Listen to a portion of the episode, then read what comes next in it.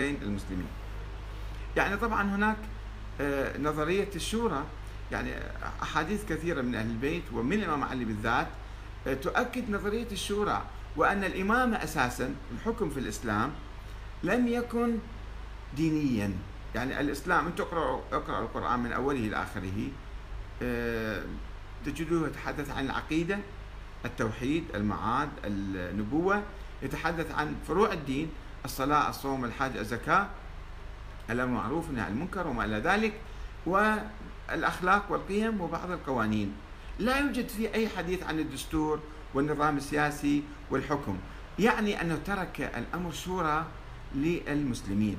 في كل بلد في كل زمن في كل مكان المسلمون يجتمعون وينتخبون حاكما لهم.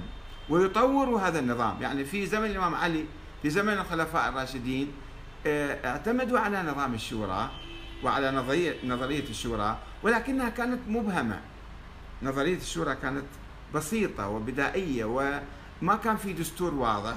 لذلك حدثت فيها مشاكل وأدت إلى الفتنة الكبرى بين المسلمين وانهيار نظام الخلافة.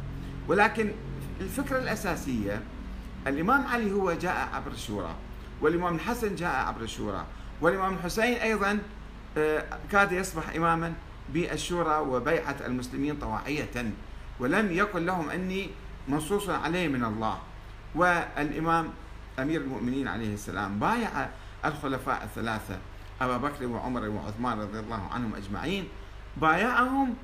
وإذا كانت الخلافة دينية وفيها نصر من الله لم يكن يجوز له أن يبايع أحدا أو يتنازل حتى لو قتل. في سبيل الله في سبيل مثلا آه، أصل من أصول الدين. كيف يتنازل عنه الإمام علي؟ هذا يعني أن الخلافة لم تكن بالنص. وثم الإمام الحسن تنازل عن الخلافة لمعاوية. لو كانت الخلافة من الله لم يكن يجوز للإمام الحسن أن يتنازل عن الخلافة ويعطيها آه، لمعاوية. الأئمة الآخرون بايعوا أئمة زمانهم وحكامهم هسه بالجبر أو بالاكراه أو بالرضا ذاك بحث آخر. أه نقرأ حديث الإمام علي في رسالته إلى معاوية وهذا موجود في نهج البلاغة أي واحد يقدر يقرأه ويراجعه. قال له إنه بايعني القوم الذين بايعوا أبا بكر وعمر وعثمان على ما بايعوهم عليه فلم يكن للشاهد أن يختار ولا للغائب أن يرد وإنما الشورى للمهاجرين والأنصار. طبعا في ذيك الأيام كان في مهاجرين الآن لا يوجد مهاجرين وأنصار. فإن اجتمعوا على رجل وسموه إماما شوفوا اجتمعوا هم الأنصار المهاجرين والأنصار. فإن اجتمعوا على رجل وسموه إماما كان ذلك لله رضا. فإن خرج عن أمرهم خارج بطعن أو بدعة ردوه إلى ما خرج منه. فإن أبى قاتلوه على اتباعه غير سبيل المؤمنين. وولاية الله وولاية الله وولاه الله ما تولى. فالنصوص على أن إيمان أهل البيت بنظرية الشورى وإيمان الإمام علي بالذات بنظرية الشورى سيرته ممارسته مواقفه بيعته للخلفاء السابقين وعدم آه، رضاه بتولي الحكم إلا بالشورى وأيضا لم ينص على ابنه الإمام الحسن إنما ترك ذلك للمسلمين فقال قال لا أنص على أحد وأترككم كما ترككم رسول الله أو كما تركنا رسول الله. فالناس هم الذين آه، انتخبوا وبايعوا طواعية الإمام الحسن وأهل البيت.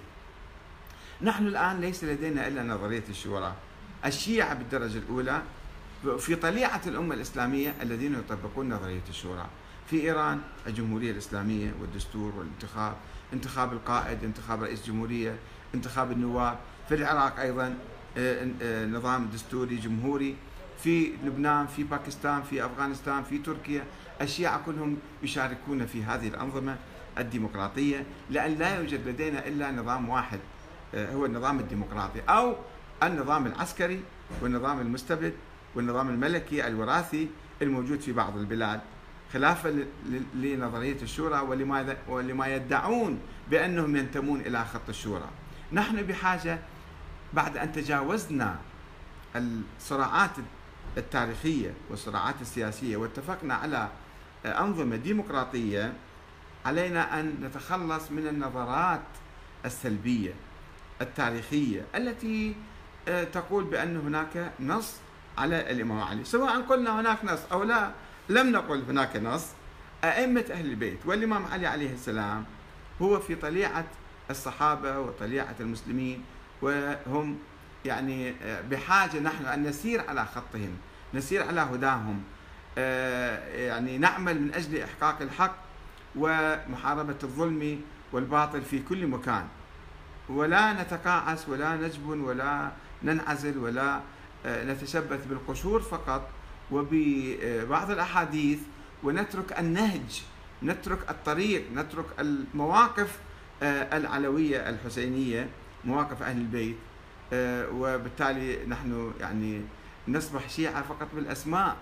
أما إذا أردنا أن نصبح شيعة لأهل البيت وشيعة الإمام علي عليه السلام وشيعة الإمام الحسين فيجب علينا أن نقتدي بسيرتهم ومواقفهم ولا نتوقف عند بعض القضايا آه، الجدلية مثل قضية آه، أنه آه، يوم الغدير هذا حديث الغدير. هو نص على الخلافة أم أم نص أم في قضية مثلا جزئية وموقف خاص للإمام علي. الجدل هذا عقيم. يجب أن نتوجه إلى بناء أمتنا تمتين الوحدة الإسلامية تعزيز هذه الوحدة وإزالة أي شيء يثير الريبة والفتنة بين المسلمين. والسلام عليكم ورحمة الله وبركاته.